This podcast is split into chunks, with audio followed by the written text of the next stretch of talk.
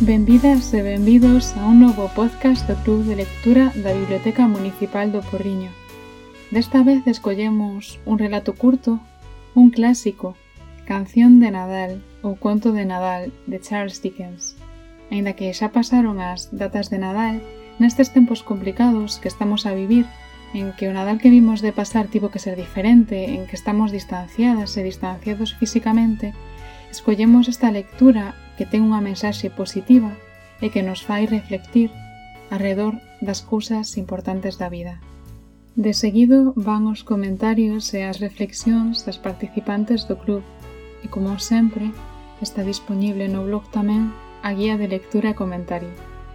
Moitas grazas por escoitar este podcast e agardamos que sexa do vosso interese.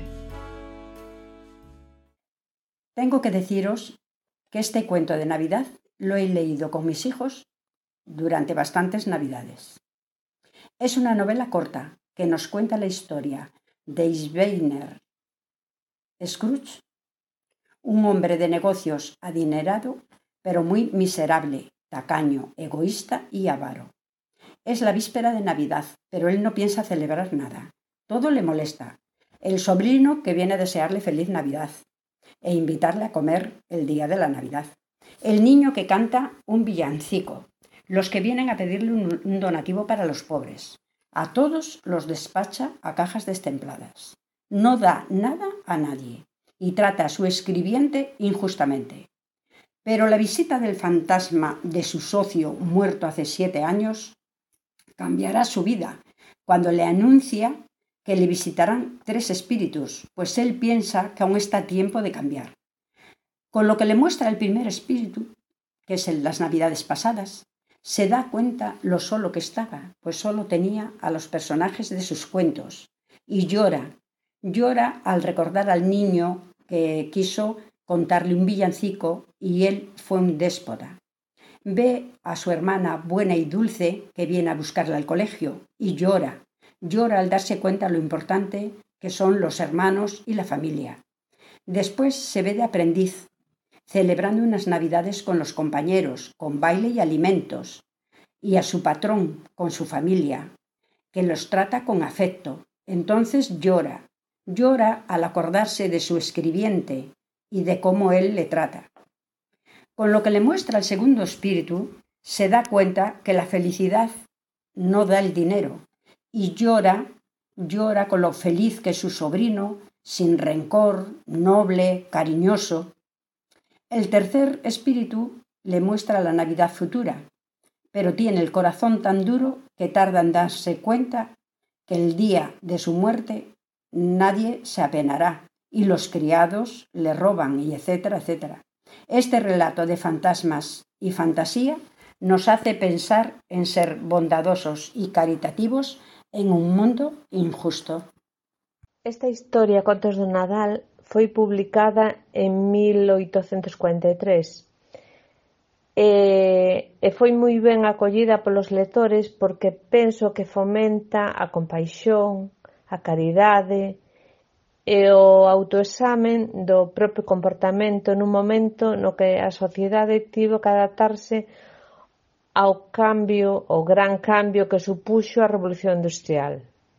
Charles Dickens foi un escritor moi comprometido co seu tempo As súas obras son unha crítica social da realidade do Reino Unido durante ese tempo: a miseria, as desigualdades, os malos tratos, a parte negativa que, que levou consigo a dita revolución industrial. A súa leitura permítenos reflexionar sobre a importancia da xenerosidade, a empatía, o respeto, a bondade, a honestidade e as consecuencias das nosas accións. Por outra banda, quizáis a boa acollida desta historia sexa que, do mesmo xeito que a vida dalle a Scrooge unha nova oportunidade para cambiar e facerlle ben as persoas que o rodean, os lectores sentímonos tamén identificados e podemos cambiar o que queremos das nosas vidas. Nunca é demasiado tarde. O futuro non está escrito. En consecuencia, todo depende de como actuemos. Este relato de Canción de Navidad de Dickens eu era a primeira vez que o lía. Eh, o coñecía por algunha adaptación cinematográfica ou teatral, pero non o lera nunca. Atopámonos aquí o personaxe principal, o señor Scrooge, como un bello miserento e avaro, que despreza o xénero humano e cuxo único interés no mundo é atesorar cartos, sin disfrutar siquera deles, pois vive na miseria, eh, solo polo feito de atesoralos sin ningún outro fin. Frente a ele están o seu sobrinho e o seu empreado, xunto coas súas familias, que son seres xenerosos e amables, que aínda que vivan na máis absoluta pobreza, a pesar de todo iso son felices. Eu particularmente non son moi partidaria deste tipo de manicaísmos ou dualidades nas novelas. Prefiro máis os matices, os grises, onde os personaxes malos sempre teñen algún destello bo que os humaniza. E pola contra, os bons nunca son tan bons, sempre teñen un lado oscuro que tamén os humaniza. Tamén entendo que estes relatos, neste contexto histórico, eran así porque tiñan sempre unha intención moralizante. Iban destinados a un amplo público e ademais había moita pobreza, co cal se lle transmitía ás clases máis desfavorecidas eh, certa esperanza.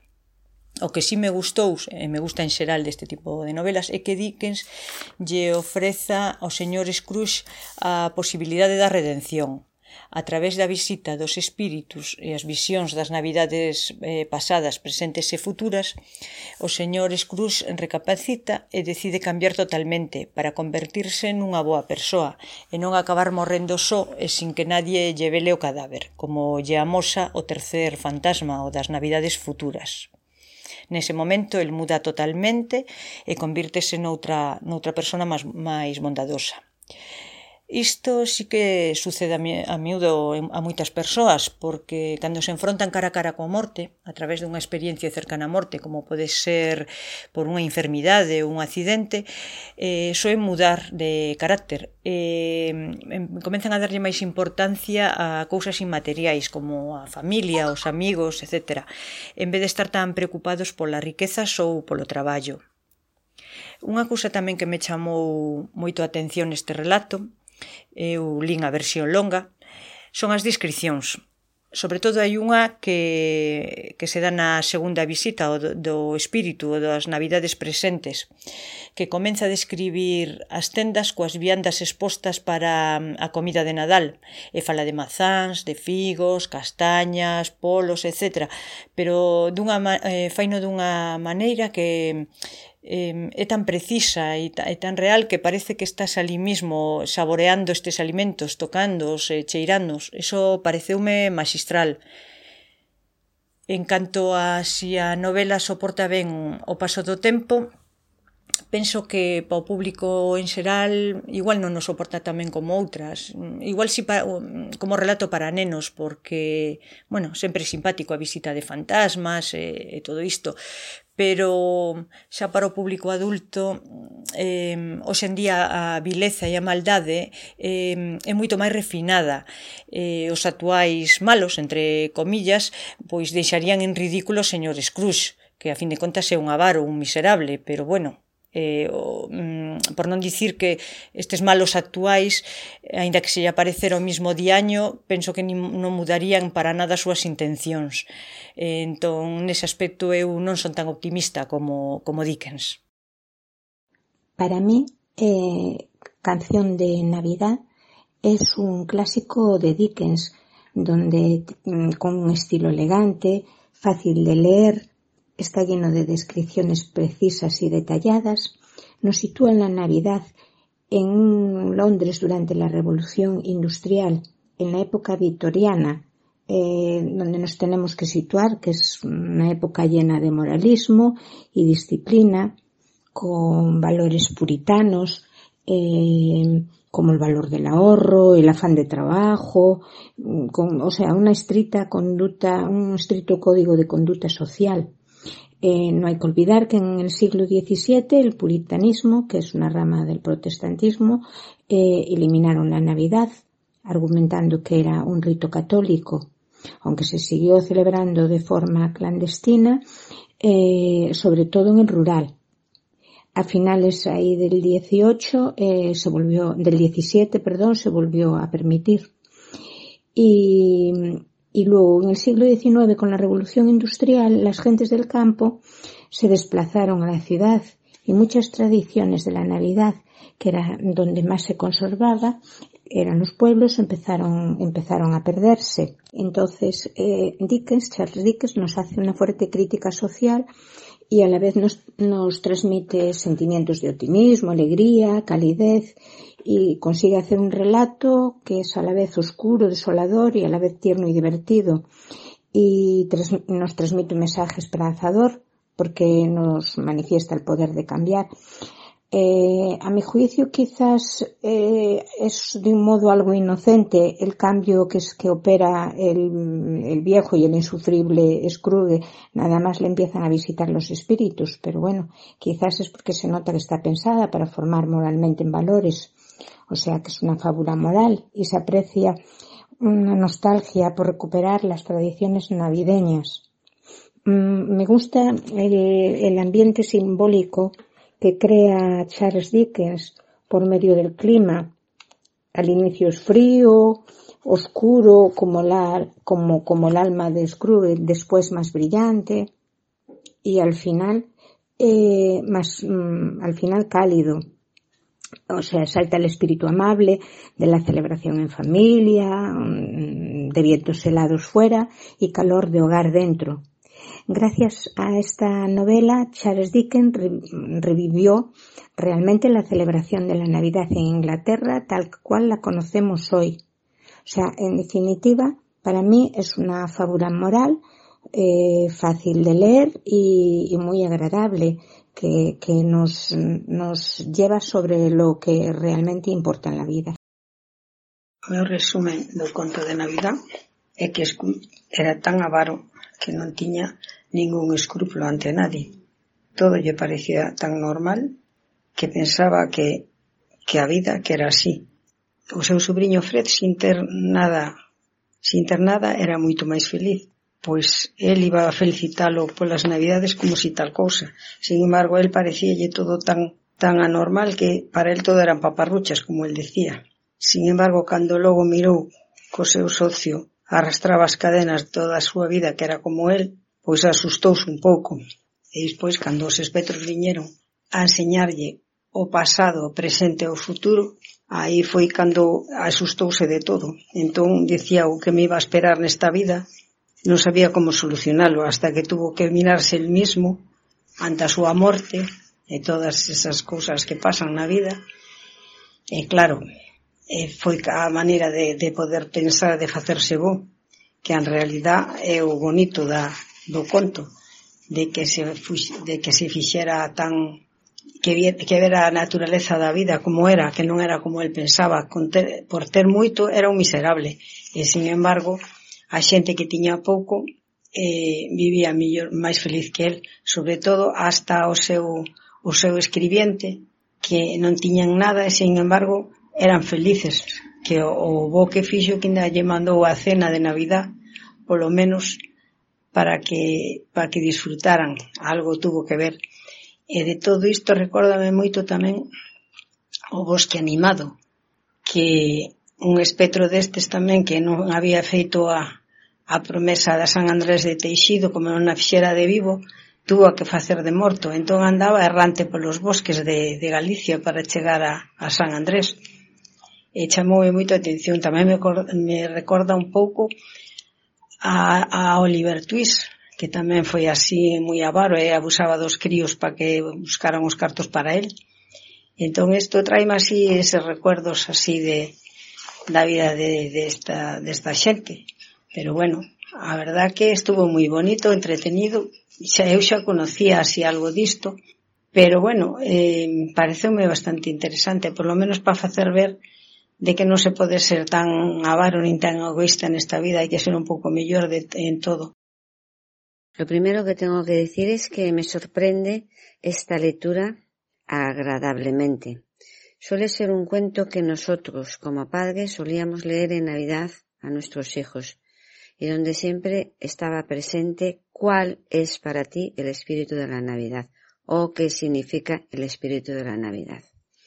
Era un ejercicio sencillo que solíamos eh, que solía traer sobre todo un pequeño debate, muy pequeño, y grandes risas. Este relato realizado en el siglo XIX sigue siendo hoy muy actual, en donde las conclusiones de la ciudad, de las ciudades, la forma de vivir, es totalmente distinta en el siglo XIX que nuestra forma de vivir hoy en día. Pues aquí, allí los niños trabajaban ya desde muy pequeños y aquí los niños realmente están como mucho más protegidos.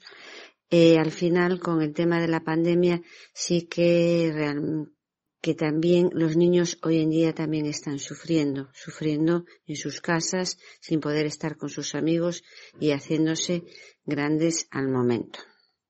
Por lo tanto, también seguimos preguntándonos cuál es la verdadera ilusión, cuál es el verdadero espíritu de la Navidad y cómo podemos trasladarlo a nuestros quehaceres diarios, tanto sea en Navidad como en Pascua o en cualquier otro momento de, de nuestro día.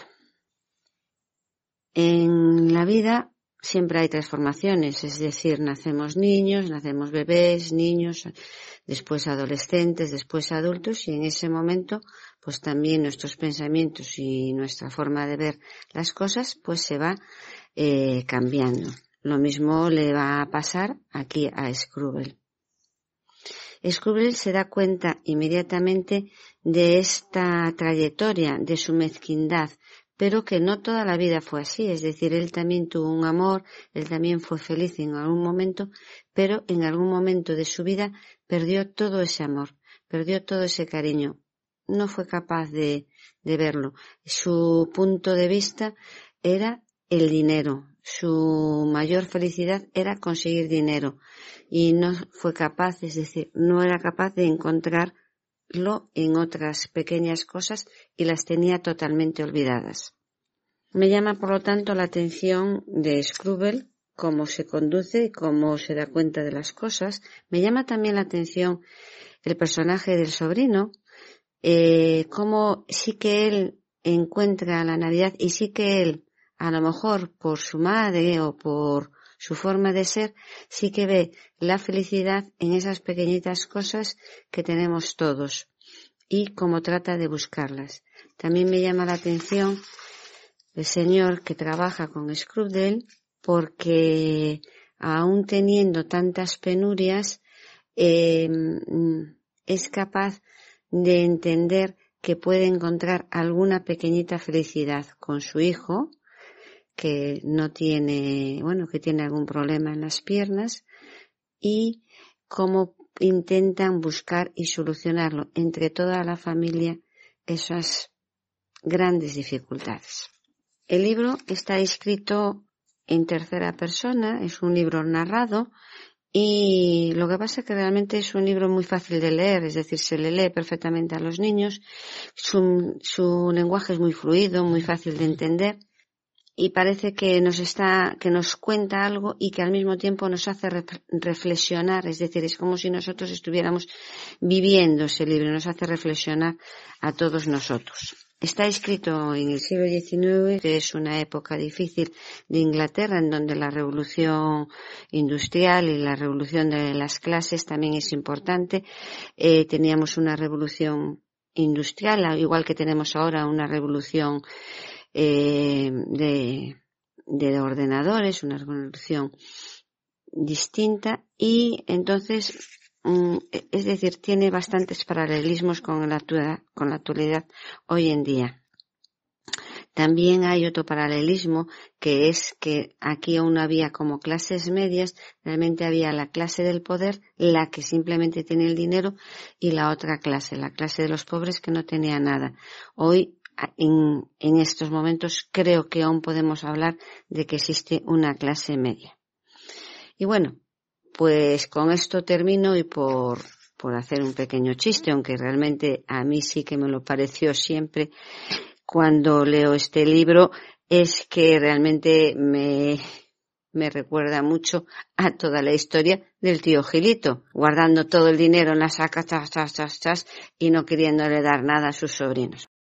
Realmente eh, é un libro moi interesante e fala de, de como, como unha persoa pode cambiar cambiar realmente con tres fantasmas pero bueno, que realmente non son os tres fantasmas o que o, que o cambian, senón que que bueno, que digamos que un repaso a, a súa vida o que o fai cambiar un home que que era moi rico pero que en realidade era moi pobre porque era un home, era un pobre Home rico, que só tiña, que só tiña diñeiro, só tiña cartos e non tiña nada máis. Tiña un sobrinho do que non quería saber, do que non lle interesaba nada del, que tivo un amor, pero mm, preferiu eh, os cartos, preferiu vivir desa maneira e a súa, a súa parella non quixo vivir con aquel non quixo vivir con el esa, esa maneira que el tiña de vivir, ela non, non quixo vivila e quedou só. Logo, cando el empeza a facer o, o percorrido con esa primeira fantasma que el chega, esa, esa fantasma levou a, a cando era neno, a cando vivía naquel rincón, e, e ali tiño o libro de Alibaba e os 40 ladróns, os libros quizáis eran a, a súa única a súa a súa única salvación, o seu, a súa única venta hacia outro mundo. E el, pois, eh, cando neno viviu aquel viaxou cos libros a outro mundo pero cando se fixo un home non foi capaz de, de viaxar nin a través dos libros nin nada, simplemente vivía como un pobre home rico.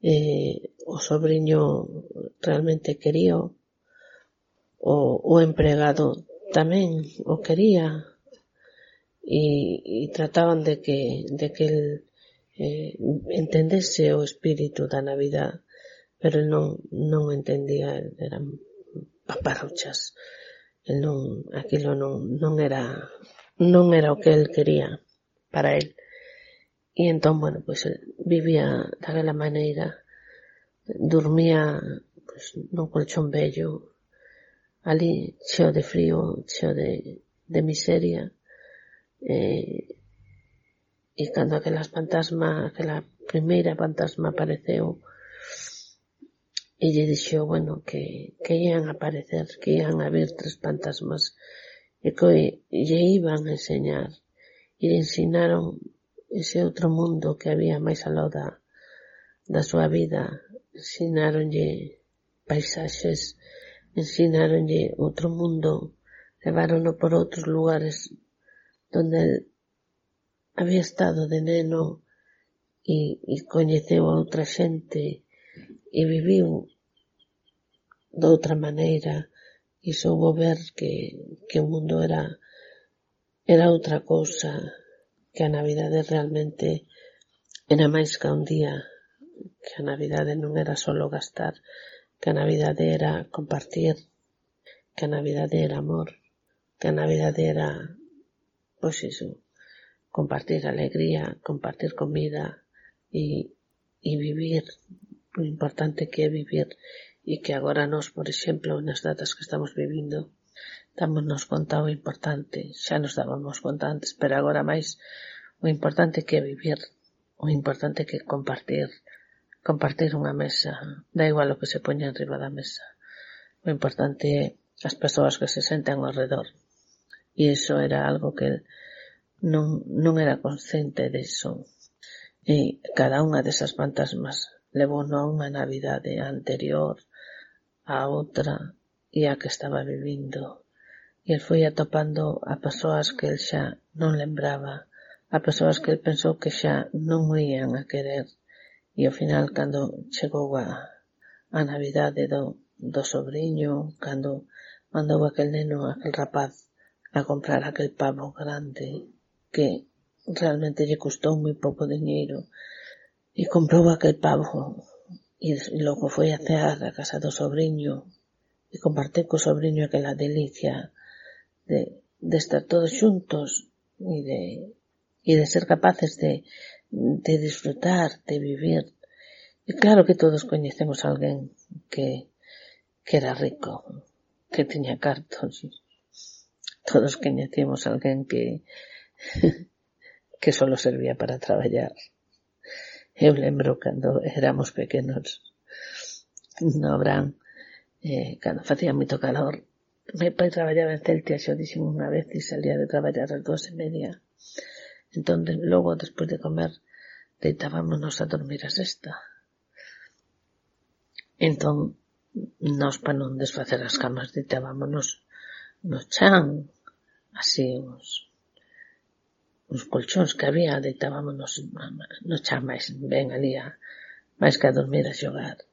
E de repente pasaba o carro dun veciño eh, que, que cantaba, a rodas cantaba. Mm, Oíase cantar a rodas. E meu pai sempre dicía, mira, aí vai o rico de fulanito. Mira que rico é. As catro e media da tarde co carro, co muller e cos fillos encima do carro, a traballar. Dicía, mira, aí vai o rico. E era certo. Era rico. Era rico porque tiña dous bois e unha vaca e moitas leiras. E era rico por iso, pero solo soubo traballar, nada máis. Nunca fixo unha viaxe, nunca fixo unha festa, nunca fixo un, unha cousa bonita na súa casa. Por desgracia, houve moita tristura, moitas desgrazas. E, e ao final morreu e, e todo quedou aí. Entón, bueno, pois, a este pobre pobre home rico tamén lle pasou o mesmo.